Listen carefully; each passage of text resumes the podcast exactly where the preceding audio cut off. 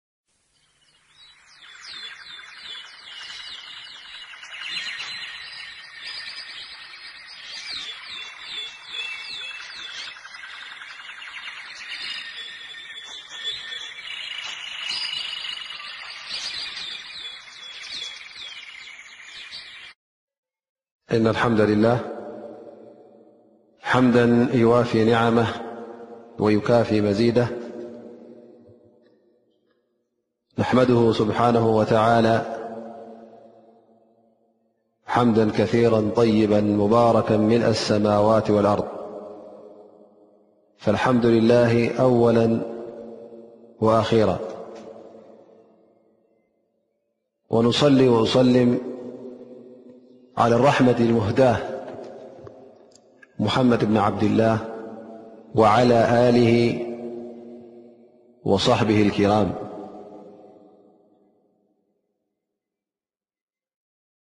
اللهم أنفعنا بما علمتنا وعلمنا ما ينفعنا وزدنا علما والحمد لله على كل حال خبركم أوا خرك أا السلام عليكم ورحمة الله وبركاته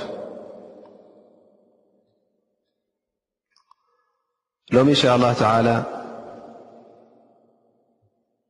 درسنا حديث مبل سرانتشعة تاب أحاديث النبوية خوني بإذن الله تعالى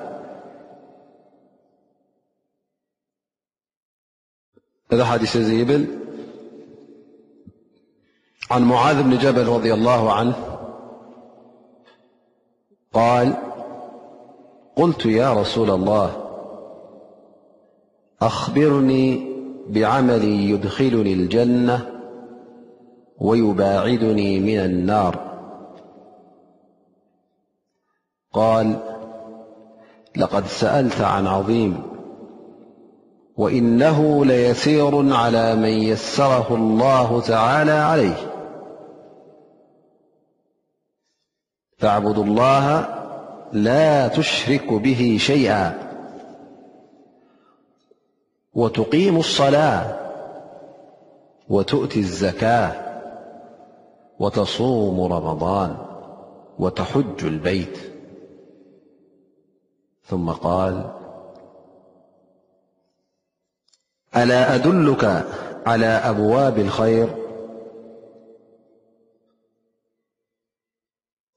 الصوم جنة والصدقة تطفئ الخطيئة كما يطفئ الماء النار وصلاة الرجل في جوف الليل ثم ثلا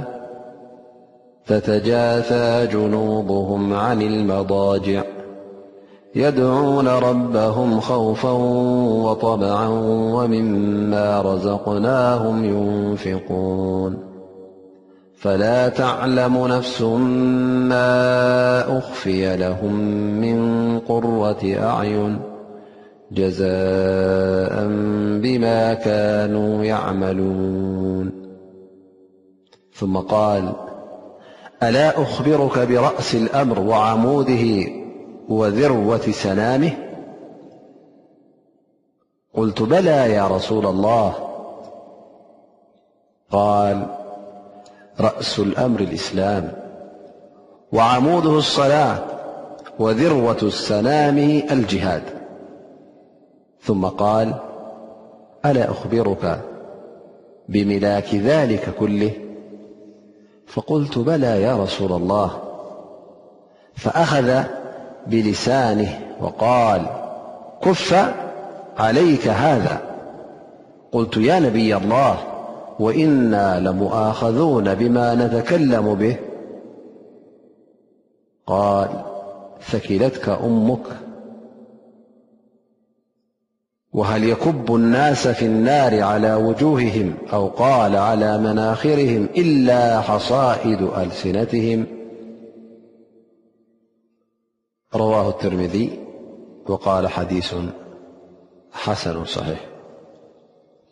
እዚ ሓዲስ እዚ ከም ዝሰማዕናዮ ንውሕ ኢሉ እዩ እዚ ሓዲስ እዚ ግን ኣገዳሲ ዝኾነ ሓዲስ ንጀና ዝመርሕ ሓዲስ ስለ ዝኾነ ንእማም ነወዊ ካብተን ኣርበዓ ኣሓዲስ ምሩፃት ኣሓዲስ ገይሩ ኣብዚ ክታብ ኣስፊርዎና ኣሎ ብሕጽር ዝበለ ኣገላልጻ ክንገልጾ እንተ ኮይና ነዚ ሓዲት እዚ ሙዓዝ ብኒ ጀበል ረድያ ላሁ ዓንሁ ናብ ነቢና ሙሓመድ صለ ላሁ ዓለ ወሰለም ቀሪቡ ያ ረሱላ ላህ ንጀና ዘእትወኒ ካብ እሳት ጀሃንም ዘርሕቐኒ ተግባር እስከ ንገረኒ እንታይ እዩ እቲ ተግባር ናዚ ነገር እዚ ዝኾነኒ ኢሉ ይሓትት ነብይ صለ ላه ለ ወሰለም ለቀድ ሰኣልተ ን ዓظም ሕቶኻ ትሓትት ከለኻ ብዛዕባ ዓበ ነገር ኢኻ ሓቲትካ ዘለኻ እሱ ከዓ ብጣዕሚ ቀሊል እዩ እንተ ደኣ ኣላ ስብሓን ወተላ ኣስሚሩልካን ኣቕሊሉልካን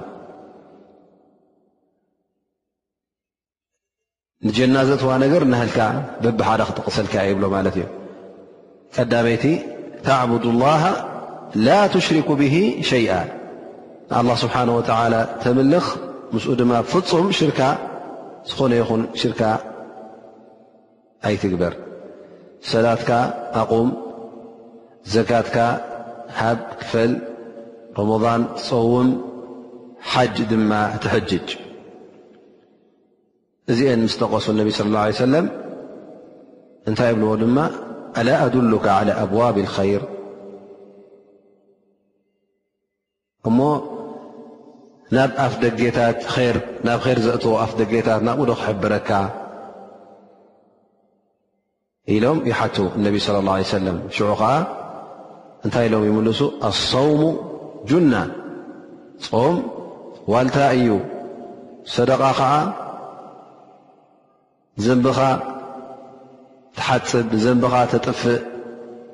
ልክዕ ከምቲ እሳት ንሓዊ ዘጥፍእ ከምቲ ማይ ንእሳት ዘጥፍእ ከምኡ እያ ከምኡ ውን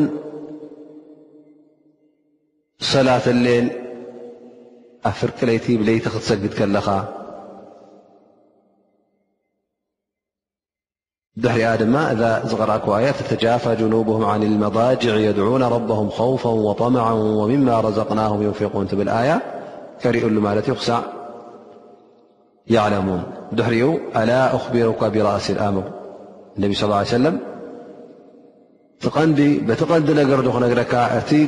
ርእሲ ዝኾነ ቀንዲ ነገር ዶ ከምኡ ውን ዓንዲ ናይዚ ነገር እዚ ከምኡ ውን መንጉዳ ናይዚ ነገር እዚ ዶ ክነግረካ ኢሎም ነቢ ስ ሰለም ይጠቕሱ ሙዓዝ ብን ጀበል በላ ያ ረሱላ ላ እወ እባ ንገረኒ ያ ረሱላ ላ ይብል ፈንታይ ይብሉ ሽዑ ቃል ራእሱ ኣምር ኣልእስላም ቀንዲ እቲ ጉዳይ እስልምና እዩ። ናይዚ እስልምና ዓንዲ ኸዓ ሰላት ምስጋድ እዩ። መንጉዳ ናቱ ኸዓ ዘርወት ስናም እታ ጠረፍ መንጉዳ ዘላታ ልዕልቲ ነቲ እስልምና ክገልፆ ከለዉ ነቢ ስ ሰለም ከም ገመል ገይሮም ገሊፀሞ ማለት እዩ። ሕጂ እነሀልካ እቲ ጅሃድ ኣብቲ ልዕሊ መንጉዳናይ ገመል ከም ዘሎ ገይሮም ማለት እቲ ቦታ ናቱ ክብ ዝበለን ልዑልን ከም ምዃኑ ክሕብሩ ዘርወት ሱናሚ ኢሎም ሓቢሮም ማለት እዩ ማ ድሕሪኡ ድማ ነቢ ስ ሰለም ኣላ ኣኽቢሩካ ብሚላኪ ሊካ ኩል እሞ ነዚ ኩሉ ነገራት ዝጠማመረልካ ዶ ክነግረካ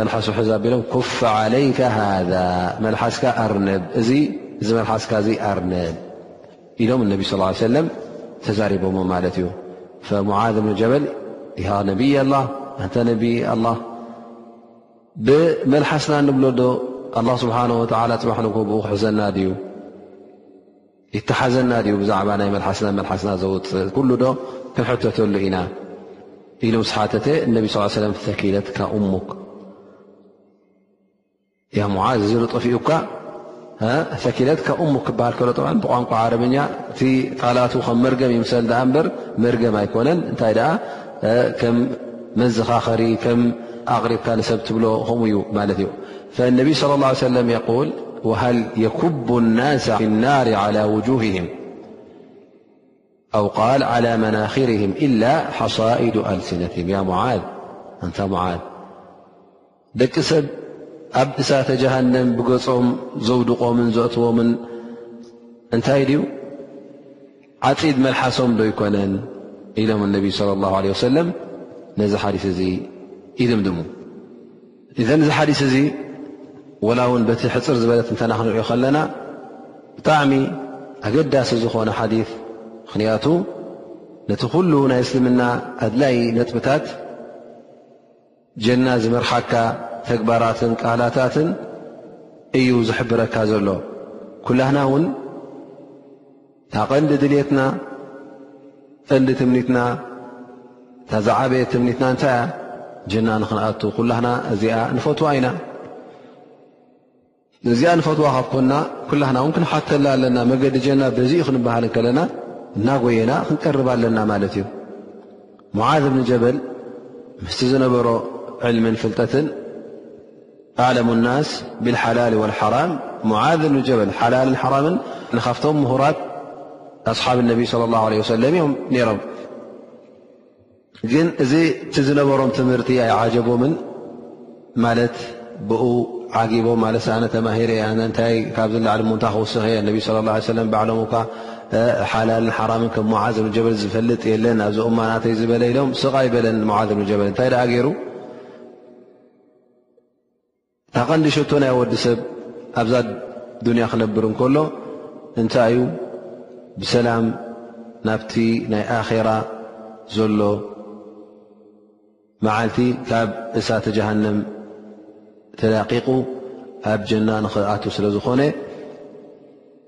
ሙዓዝ ብኒ ጀበል ቀሪቦም ናብ ነቢና ሓመድ ስ ሰለ ያ ረሱላ ላ ኣኽብርኒ ብዓመል ዩድክልኒ ልጀና ወዩባዒዱኒ ዓን ናር ያ ረሱላ ላ ጀና ዘእትወኒ ተግባርን ካብ እሳተ ጀሃንም ዘርሐቐኒ ተግባርን እስኪ ንገረኒ እንታይ ከም ምኳኑ ኣነ ነዚ ነገር እዚ ከጣቢለ ንክሕዞ ምኽንያቱ እታ ቀንዲ ድልየተይ ጀና ንክኣቱ እየ ስለ ዝበለ እነቢይ ለ ላ ለ ወሰለም ነዚ ሕቶ እዚ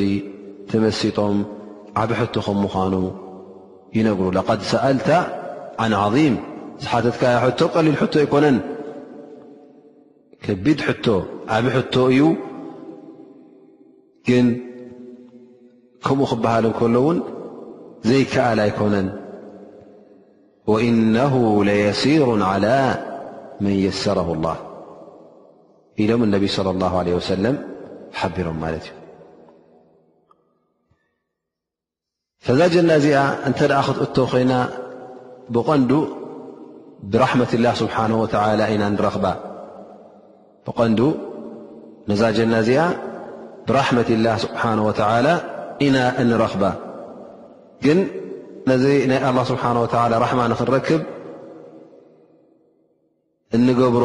ተግባራት ከም ሰበብ ኮይኑ ክግበር ከም ዘለዎ ተሓቢርና ማለት እዩ ፈኢዘ ዓመል ተግባር ሰበብ እዩ ንምንታይ ሰበብ ንጀና ንራሕመት ላ ስብሓን ወተላ ዘብፅሕ ሰበብ ይኸውን ማለት እዩ ኣማል ሳሊሓ ሰናይ ተግባር ንገብሮ እቲ ትእዛዝ ኣ ስብሓ ወ ክንመዘዝ ከለና እሽልና ንቕበሎ እዚ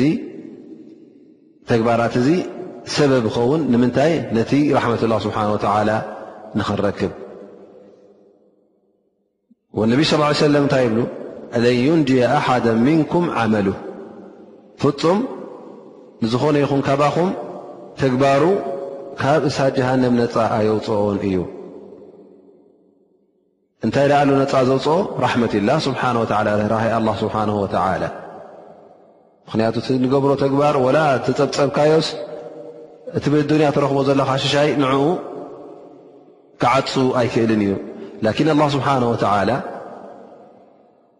ሰናይ ተግባራት ዝግበር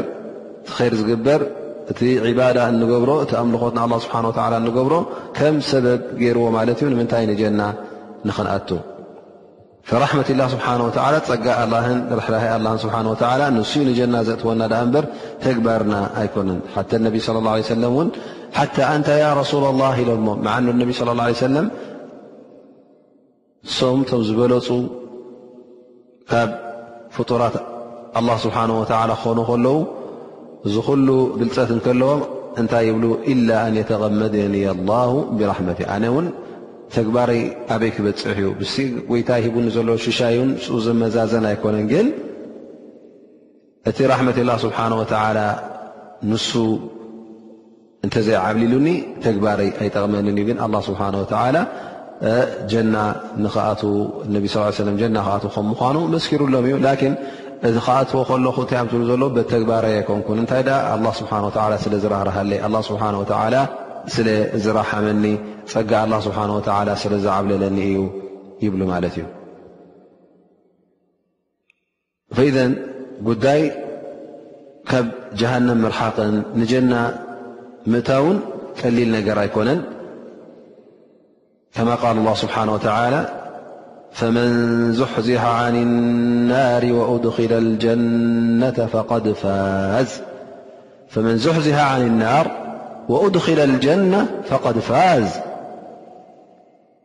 ካብ እሳተ ጀሃነም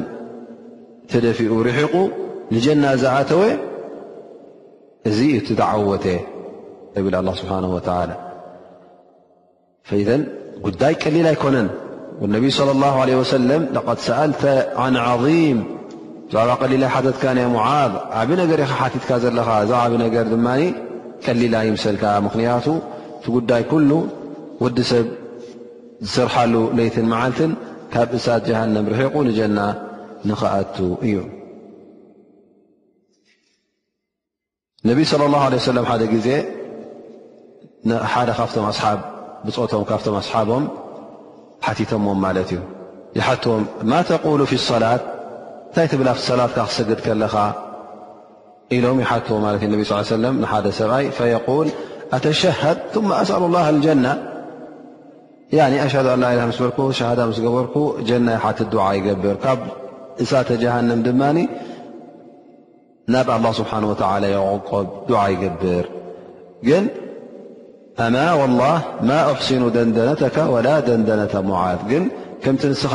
እትብሎ ዱዓ ክትገብር ከለኻ ነዊሕ ዱዓ ትገብር ብዙሕ ነገራት ተምፅእ ናትካን ከምቲ ናይ ሙዓዝ ትገብሮን ኣይክእሎን እየ ይብል ፈነቢ ስለ ላ ሰለም የቁል ሓውለሃ ኑደንድን ንሕና እውን እቲ ዱዓና ብብዙሕ መልክዕ እንተቕረብናዮ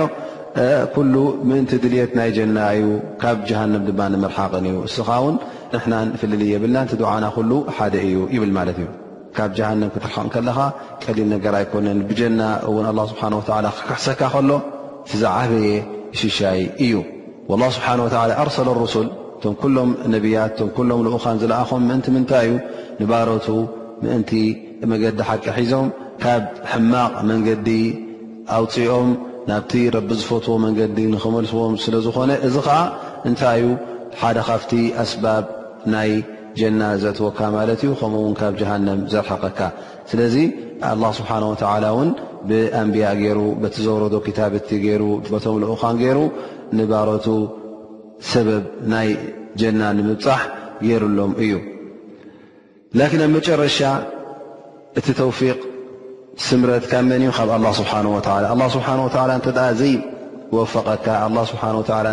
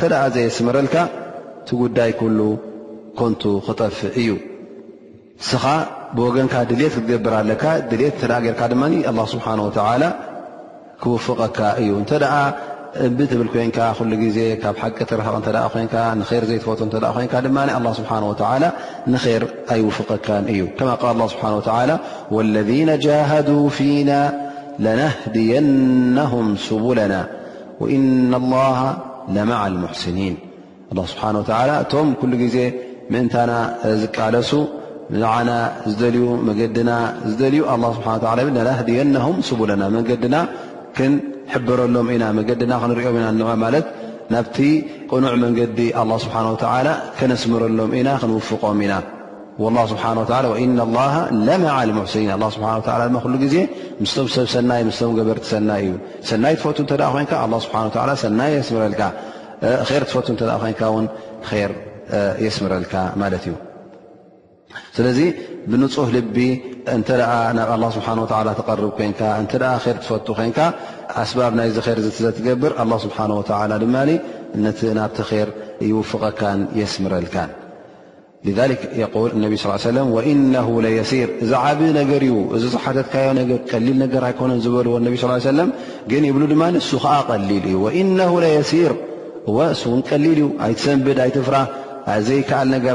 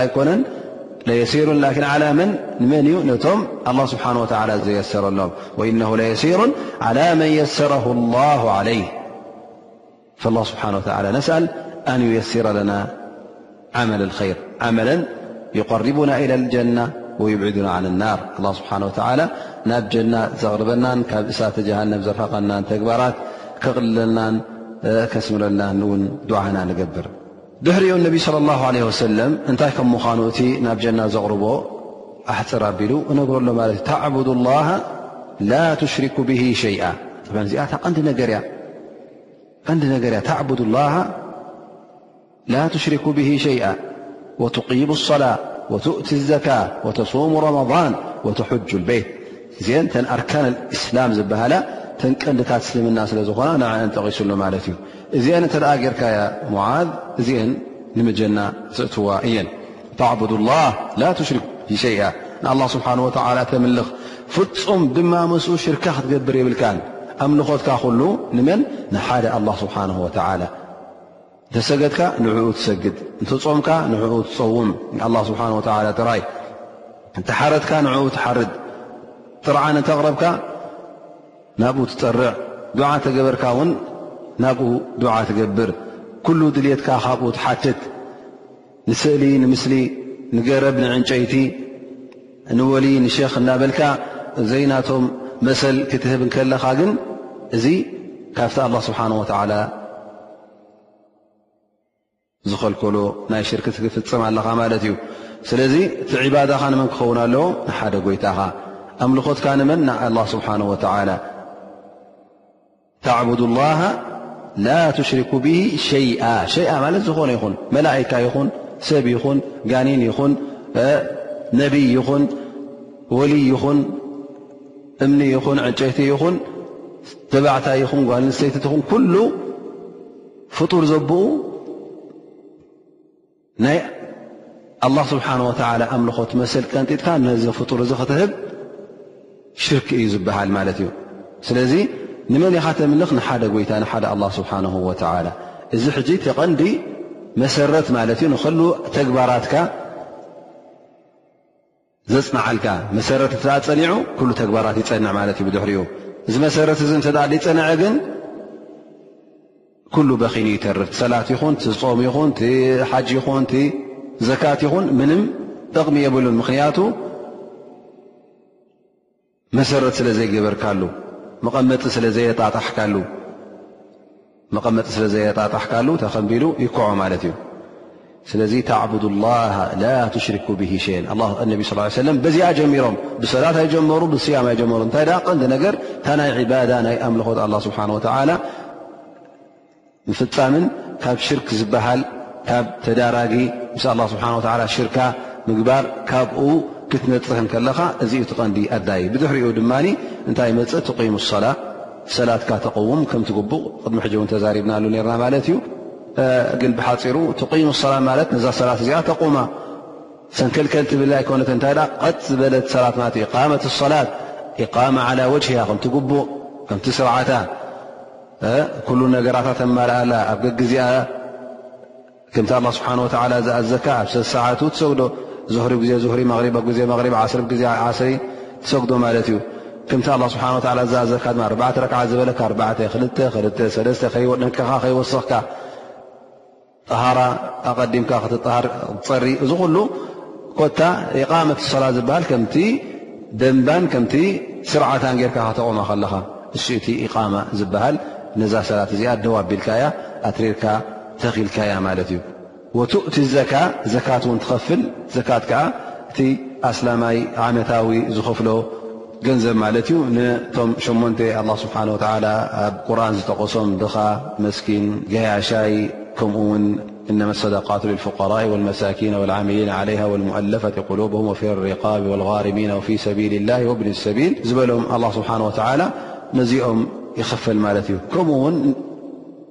ካብቲ ኣርካን እስላም ወተሱሙ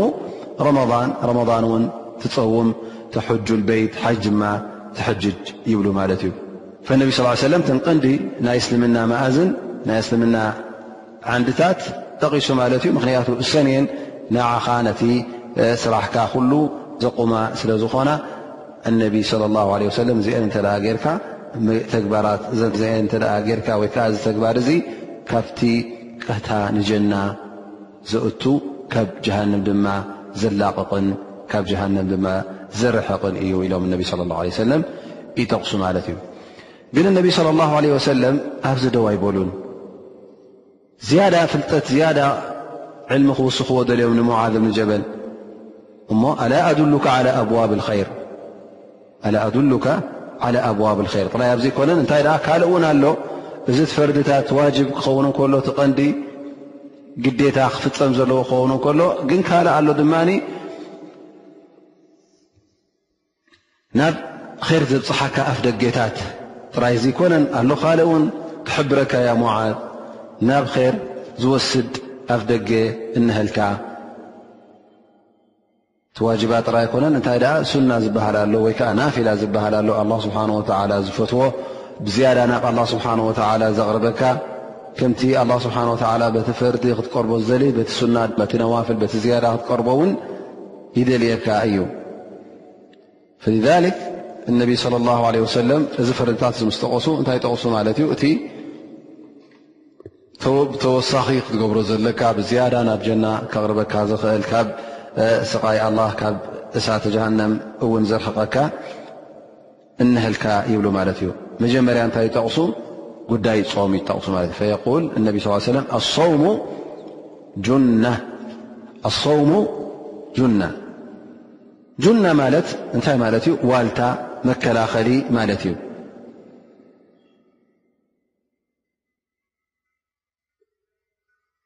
ልክዕ ፆም ድማ እንተ ትፀውም ኮንካ መከላኸሊ እዩ ካብ ምንታይ ይኽልክለካ ካብ ምንታይ ይከላኸለልካ ካብ ምንታይ ይሕልወካ ካብ ማዕስያ ኣብ ኣዱንያ ከለኻ ካብ ኣብ ማዕስያ ምውዳቕ ይኽልክለካ ማለት እተ ትፀውም ኣለኻ ኮይንካ ወስዋስ ናይ ሸይጣን ኩሉ ግዜ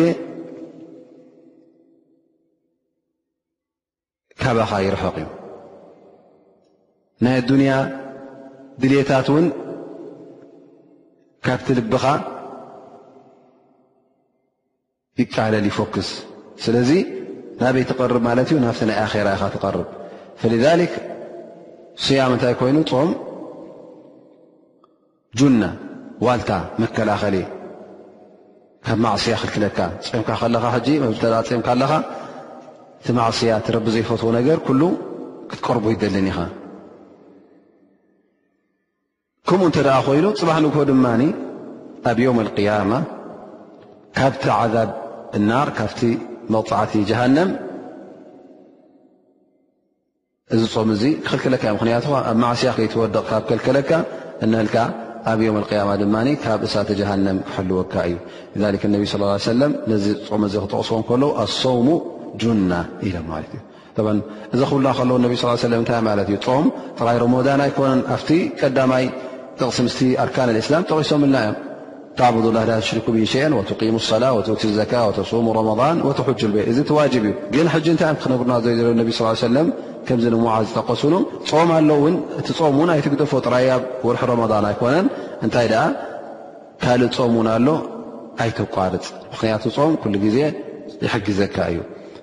ስለዚ ካብቲ ሱናታት ስያም ዝግበር ናይ ጾም ሱና ወይ ከዓ ብተወሳኺ ንጾሞ ኩላህና ኣስላም ከም ሱና ጌርና እንተፀምካዮ ማለት ፅቡቕ ኣጅር ትረኽበሉ ስያም ዓሹራ ክትፀውሙ ከለኻ መበል ዕለት ዓሰርተ ኣብ ሙሓረም ዳኣኑ ይከፊሩ ምኽንያቱ እቲ ዘንብታት ካሓፅበልካ ማለት እዩ ናይቲ ዝሓለፈ ዓመት ማለት እዩ ከምኡ እውን የውማ ዓረፋ ክትፀውም ከለኻ ስያም ዮውም ዓረፋ ሊغይር ልሓጅ ብ እተ ኣብ ሓጅ ዘለኻ ኮይንካ መዓልቲ ዓረፋ ዕ ትሸ ኣብ ወርሒ ዝልሕጃ ትፀውም ከለኻ እዚ እውን ኣጅ ኣለዎ ሰሙናዊ እውን ሰኑይን ሓሙስን እንተፆምካ እዚ ፅቡቕ ኣጅር ኣለዎ ኣብ ወርሒ ድማ ወይ ኣብ ዝኾነ ወርሒ ሰለስተ መዓልቲ ክትፀውም ከለኻ ኣያመልቢድ ይኹና ወይ ከዓ ካልኦት ሰለስተ መዓልቲ መሪፅካ እዚት ዝበለፀ ስተ ምን ሸዋል ድሕሪ ረመዳን ኣብ ወርሒ ሸዋል ሽዱሽተ መዓልቲ ክትፀውም ከለኻ ከምኡ ውን ስያም ሻህሪ ላሂ ሙሓረም ወርሒ ሙሓረም መዓልትታት ኣብኡ ክትፀውም ከለኻ ኣብ ወርሒ ሻዕባን እውን ክትፀውም ከለኻ ዝኾነ መዓልትታት ከምኡ ውን ስያሙ ዳውድ ዝበሃል ኣሎ ሓንቲ መዓልቲ ትፀውም ሓንቲ መዓልቲ ተፍጥር ሓንቲ መዓልቲ ትፀውም ሓንቲ መዓልቲ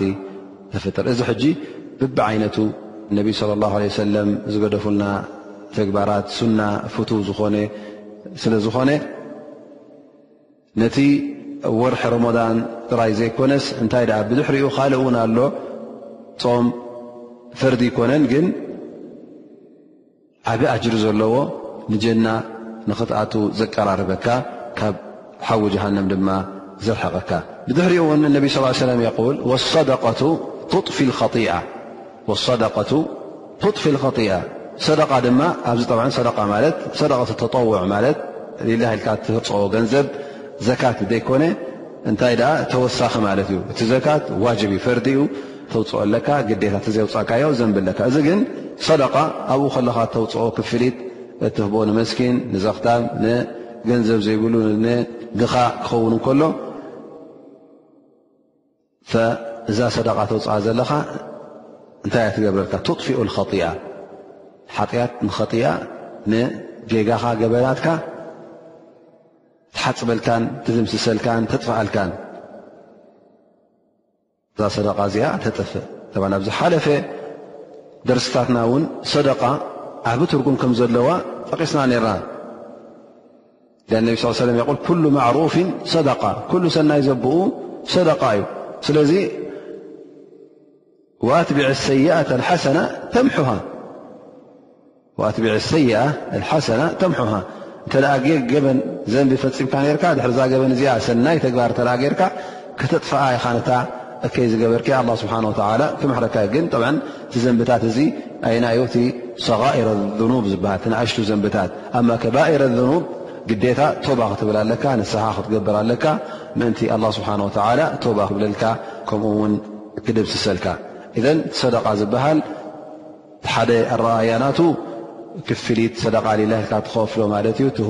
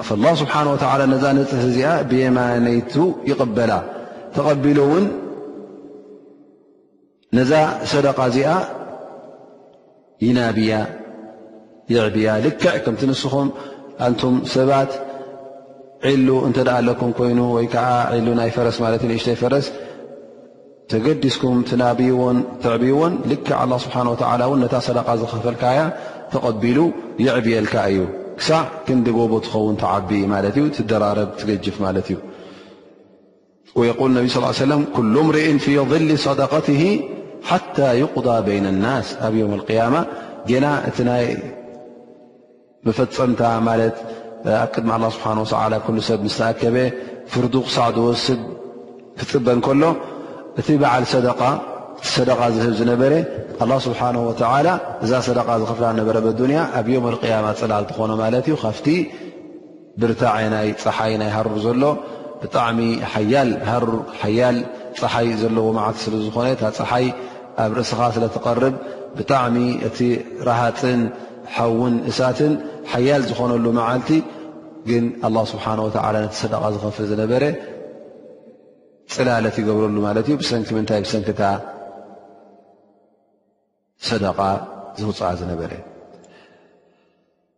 ከምኡ ውን እነቢ صለ ላه ለ ሰለም እቲ ፈርዲ ሰላት ምስ ጠቀሱ ግዴታ ክስገድ ከም ዘለዎ ግን ካልእ ዓይነት ሰላት ከም ዘሎ እዚ ሰላት እዚ እውን ፍት ከም ምኳኑ እሱ ከዓ ሰላት ሌል ይበሃል ማለት እዩ ወሰላት ረጅል ፊ ጀውፍ ለይል ሰላት ረጅል ፊ ጀውፊ ለይል ሓደ ሰብ ለይቲ ተሲኡ ክሰግድ እንከሎ እዚ ዓብዪ ነቲ ዘንብታትካ ዘጥፍእ እዩ እቲ ሕማቕ ተግባራትካ እቲ ዘንብታት ዝገበርካዮ ዘጥፍእ እዩ ኢዘ ቅያም ሌል ለይቲ ተሲእካ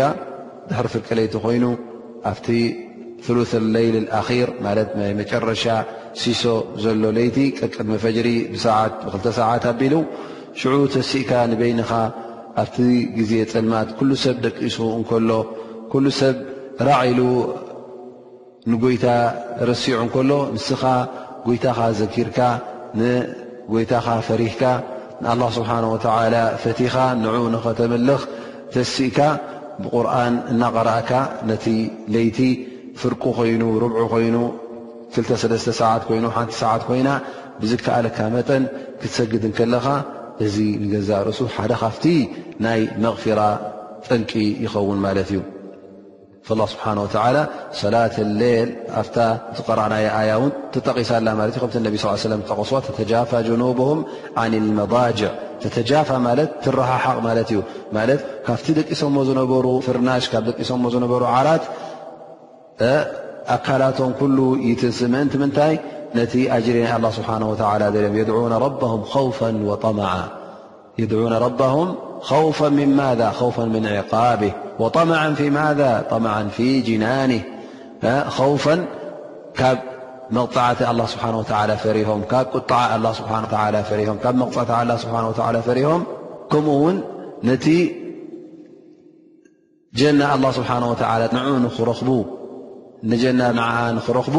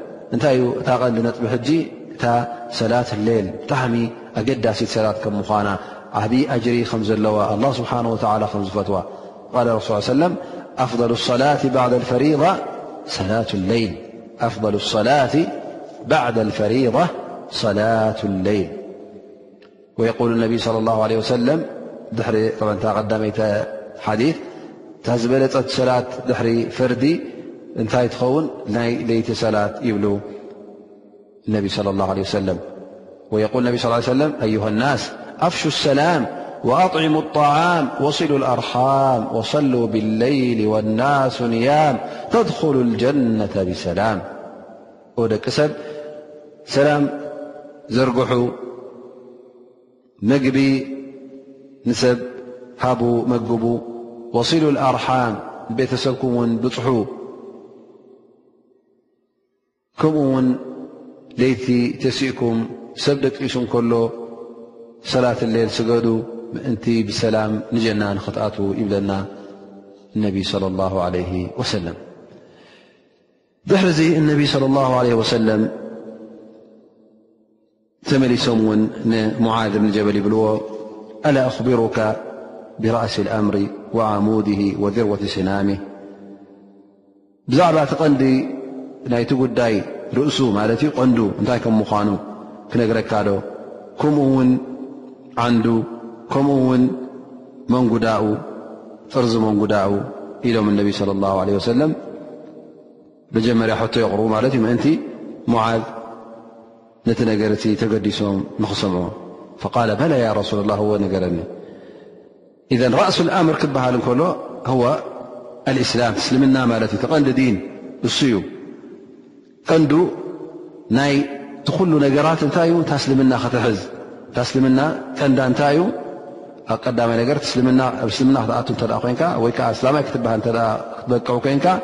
እንታይ እቲ ቀንዲ ነገር ዘድሊ እታ ሸሃደት ኣን ላኢላሃ ኢላ ላ እያ ተድሊ ማለት እዩ ስለዚ እታ ሸሃዳ ንገዛ ርእሳ ልክዕ ከም ርእሲ ኣትቁፅር ነት እስልምና ርእሲ እስልምና እያ እቲ ገዛ ርእሱ እስልምና ትዲን እውን ብኣ እዩ ዝጠቕለል እሳ እተ ሸሃዳ እተ ዘላ ሸሃደት ኣን ላኢላሃ ኢላ ላ እስልምና የለን ማለት እዩ ናይዚ እስልምና ዓንዲ ከ እንታይ እዩ? ሶላት ሶላት ከዓ ዓሙድ እስላም ዓንዲ ተደየለ ከዓ ፈሪሱ ማለት ዩ እስልምና ስለዚ እዚ ዓንዲ እዚ ኩሉ ግዜ ከነቑሞ ኣለና ጎባጥ ዓንዲ ክኸውን የብሉን ዝዛዘወ ዓንዲ ክኸውን የብሉን ሰንኳፍ ዓንዲ ክኸውን የብሉን ቀጢን ዓንዲ እውን ክኸውን የብሉን እንታይ ደኣ ተሪር ዓንዲ ሓያል ዓንዲ ስለዚ ታሰላትካ ቀጠፍ ቢልካ ሓዛይ ዝብለካ ዘሎ ምኽንያቱ ነቲ ዲንካሳ መመርኮሲቱ ስለ ዝኾነት ነቲ እስልምናኻ ኩሉ እስልምናኻ ኩሉ ኣብኣ ስለ ዝሙርከስ ስለዚ ክትስበር የብላን እዚ ዓንድታት እዚ ክስበር የብሉን ክስበር የብሉን ከምኡ ውን ክዛዙ የብሉን ኣትርሮ ኣትሪርካ ሓዞ እዩ ዝብለካ ዘሎ ነቢ صለ ه ለ ዓሙድ ሰላ ስለዚ እታ ሰላት ንገዛ ርእሳ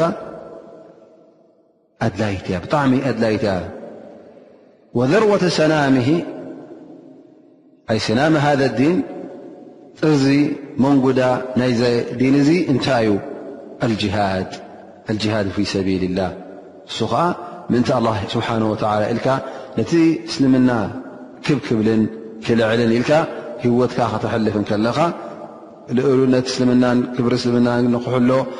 ህይወትካ ክትከፍል እንከለኻ እዚ እዩ እቲ ጅሃድ ዝበሃል እቲ ዓብዪ ቃልሲ ዝበሃል ማለት እዩ። ንሱ ከዓ ኣንፃር መን እዩ ዝኸውን? ኣንፃርቶም ፀላእቲ እስልምና እቶም ነዚ እስልምና እዚ ንኸጥፍኡ ነዚ እስልምና እዚ ንኸፅንቱን ንኸብርሱን ዝቃለሱ ዘለዉ ንስኻ እውን ኣንፃሮም ክትቃለስ ከለኻ እዚ እቲ ጅሃድ ዝስመ።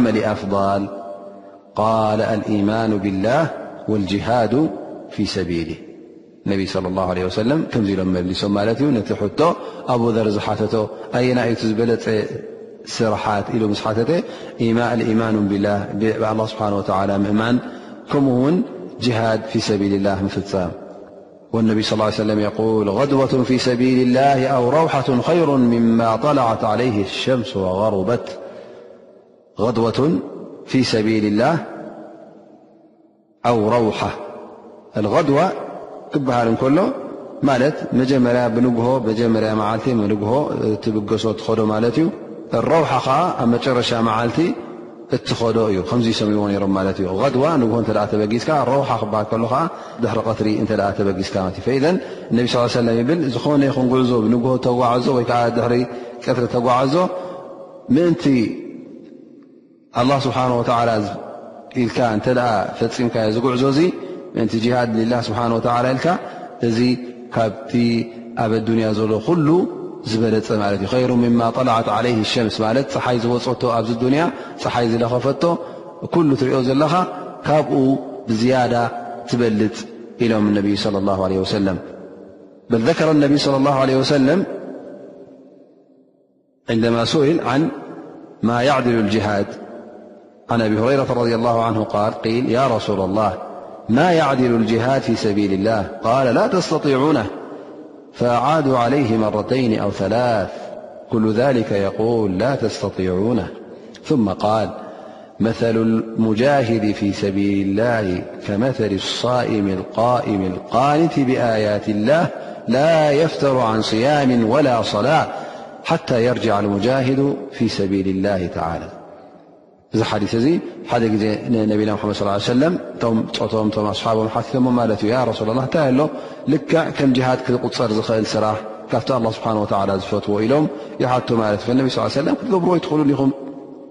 ኢሎም ይምልሱሎም ያ ረሱላ ላ ንገረና ኢሎም ክልተ ሰለስተ ሻዕ ምስ ተመላለሱ ኣይትትኽእልዎን ኢኹም ኢሎም ምስ መለሱሎም ኣብ መጨረሻ ይብልዎም ናይ ሙጃህድ ዝረክብ ኣጅሪ ክረክብ እንተ ደልዩ ሓደ ሰብ ልክዕ ከምኡ ክኸውን እንተ ደልዩ ከም ሓደ እንታ ክገብር ኣለዎ ምሉእ መዓልቲ ክፀውም ኣለዎ ፀሙ ከዓ ለይቲ ድማ ምሉእ ለይቲ ክሰግድ ክሓድር ኣለዎ ኣይድቅስ ኣየዕርፍ ካብ ሰላት ይኹን ካብ ፆም ክሳዕ እዚ ሙጃህድ እዚ ኣብቲ ዘድለዮ ቦታ ማለት ኣብቲ ክቃለሰሉ ከይዱ ዘሎ ቦታ ኣብኡ ተቓሊሱ ክሳዕ እቲ ስርሑ ዝጭርስ ዝምለስ እሱ ከዓ እዚ ከምኡ ክገብር ዘልዩ ዘሎ ንሱ ከዓ ብፆምን ብሰላት ናይ ለይትን ኮፍ ከይበለ ከይዕረፈ ክሳዕ እዚ ሙጃሂድ ዝምለስ ክፅበ እተ ኮይኑ ይኽእል እተ ኮይኑ ንሱ ክገብር ኣለዎ ማለት እዩ ከመይ እዩ እቲ ሙጃሂድ ማለት እዩ ልክዕ እንተ ኣጅር ናቱ ክትረክብ ደሊኻ ካብታ ዝወፀላ መዓልቲ ካብ ዓዱ ክሳዕታ ዝምለሰላ መዓልቲ ካብቲ ቦታ ናይ ጅሃዱ ንስኻ ድማ ም መዓልቲ ፆም ለይቲ ሰላት እናገበርካ ሙሉእ ለይቲ ክትሰግድ ክትሓድር እንከለኻ እዚ ልክዕ ሕጂ ከምቲ ናቱ ኣጅር ክትረክብ ትኽእል ኢሎም ማለት እዩ ነቢ ለ ላ ለ ወሰለም እዚ ከዓ ዝከኣል ኣይኮነን ከመይ ገይሩ ሓደ ሰብ እንተ ንወርሒ ንክልተ ወርሒ ክቃለስ ንጅሃድ ኢሉ እተ ወፅኡ ክሳዕ ዝምለስ ከመይ ጌርካ ስኻ እዚ ኩሉ ክትፀውምን ለይቲ ቀትሪ ክትፀውምን መዓልቲ ክትፀውምን ለይቲ ክትሰግድን ክትሓድር ከቢድ ከም ምዃኑ ይሕብረና ማለት እዩ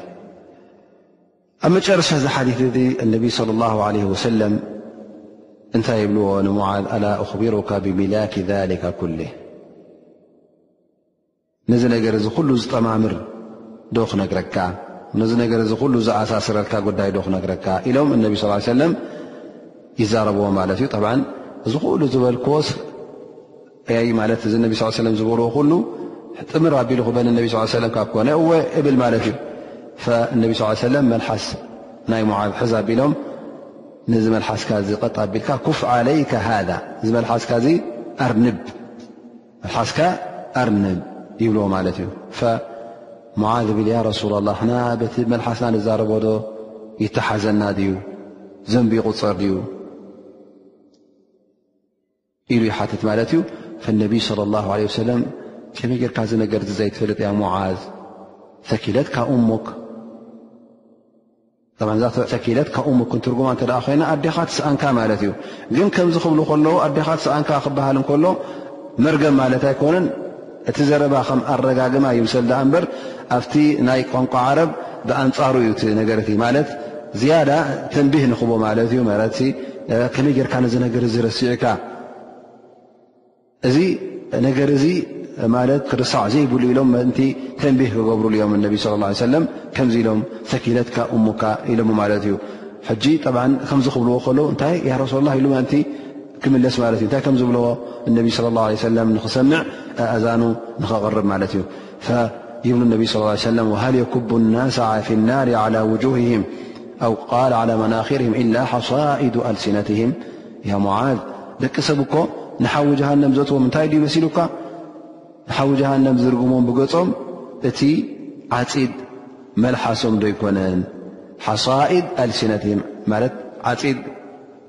መልሓስቶም ማዕና ዓፂድ እንታይ ማለት እዩ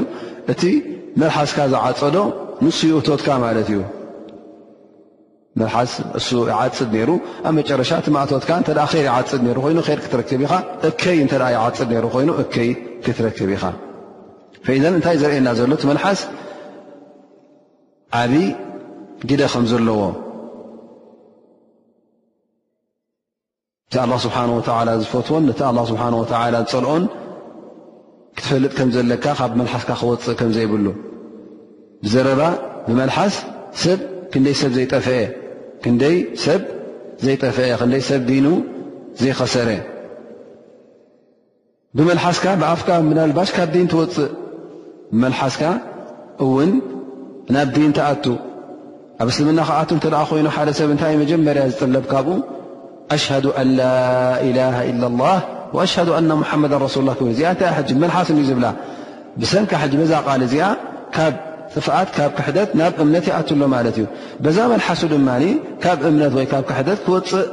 ይኽእል እዩ እንተ ብመልሓሱ ናይ ሽርክ ዘረባ ተዛሪቡ እተ ብመልሓሱ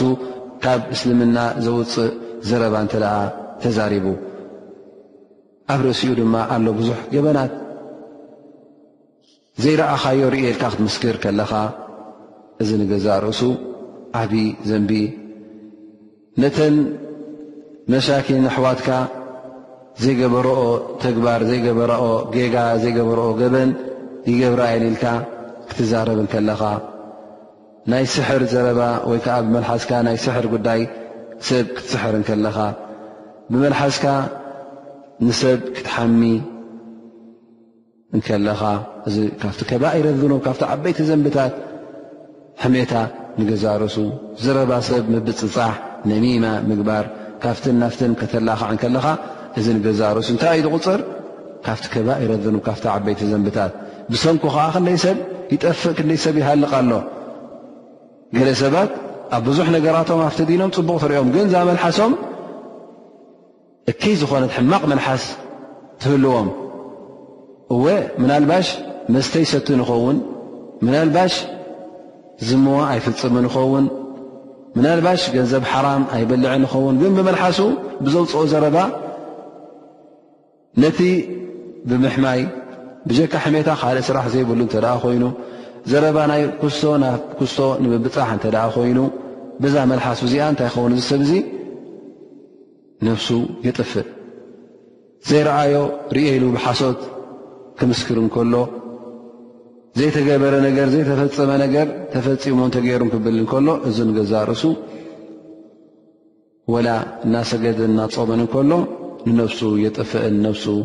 የውድቕን ኣሎ ማለት እዩ እዛ መልሓስ እዚኣ ክትእሰር ኣለዋ ማለት እዩ ኩፍ ዓለይካ ሃذ ኩፍ ዓለይካ ሊሳን መልሓስካ ኣርንብ መልሓስካ ኣርንብ ካብ ዝኾነ ገበን ተጠንቀቕ እዮም ዝብሉ ዘሎ ነቢ صለ ላه ለ ወሰለም ፈኢዘን እዚ ሓዲስ እዚ ከምዚ ዘሎ መዓት ዝረኣናዮ እቲ ፋይዳ ናቱ ዓብዪ ከም ምዃኑ ርኢና ኣለና ማለት እዩ ቀዳማይ ነገር እቶም ኣስሓብ ነቢ ረድያ ላሁ ዓንሁም ሓደ ካብኦም ሙዓዝ ብን ጀበል ነቲ ሰናይ ተግባራት እጓይይሉን ይቀዳደምሉን ኩሉ ግዜ ይሓትሉን ከም ዝነበሩ እቲ ቀንዲ ሃሞም ቀንዲ ድልቶም ቀንዲ ትምኒቶም ጀና ምርካብን ካብ እሳ ጀሃንም ምርሓቅ ከም ምዃኑ የብርሃልና ማለት እዩ ንሕና ድማ ኣሰርናቶም ተኸትልና ቐንዲ ዊንታናን ድልትናን ሃንቀውታናን ናብኡ ንክኸውን ይሕብረና ኣሎ ማለት እዩ ከምኡ ውን ነቢ صለ ላه ለ ሰለም ኣብዚ ነገር እዚ ከምህሩ ከለዉ ክዕልሙ ከለዉ እነሀ ካብ ተዓቢ ጀሚሮም ናብቲ ዝነኣሸን ብቢ ዓይነቱ ኣፍ ደገታት እናኸፈቱ ይዕልሙ ነይሮም ማለት እዩ ንስራሕና ድማ ንሰብ ክንዕልም ክነምህር ከለና ትቐንዲ ቐንዲ ነገራት መጀመርያ ክንገር ኣለዎ ድሕሪ ድማ እቲ ሱና ዘብኡ እቲ ካልእ ነጥብታት እውን ይንገር ማለት እዩ በብሓደ ምእንቲ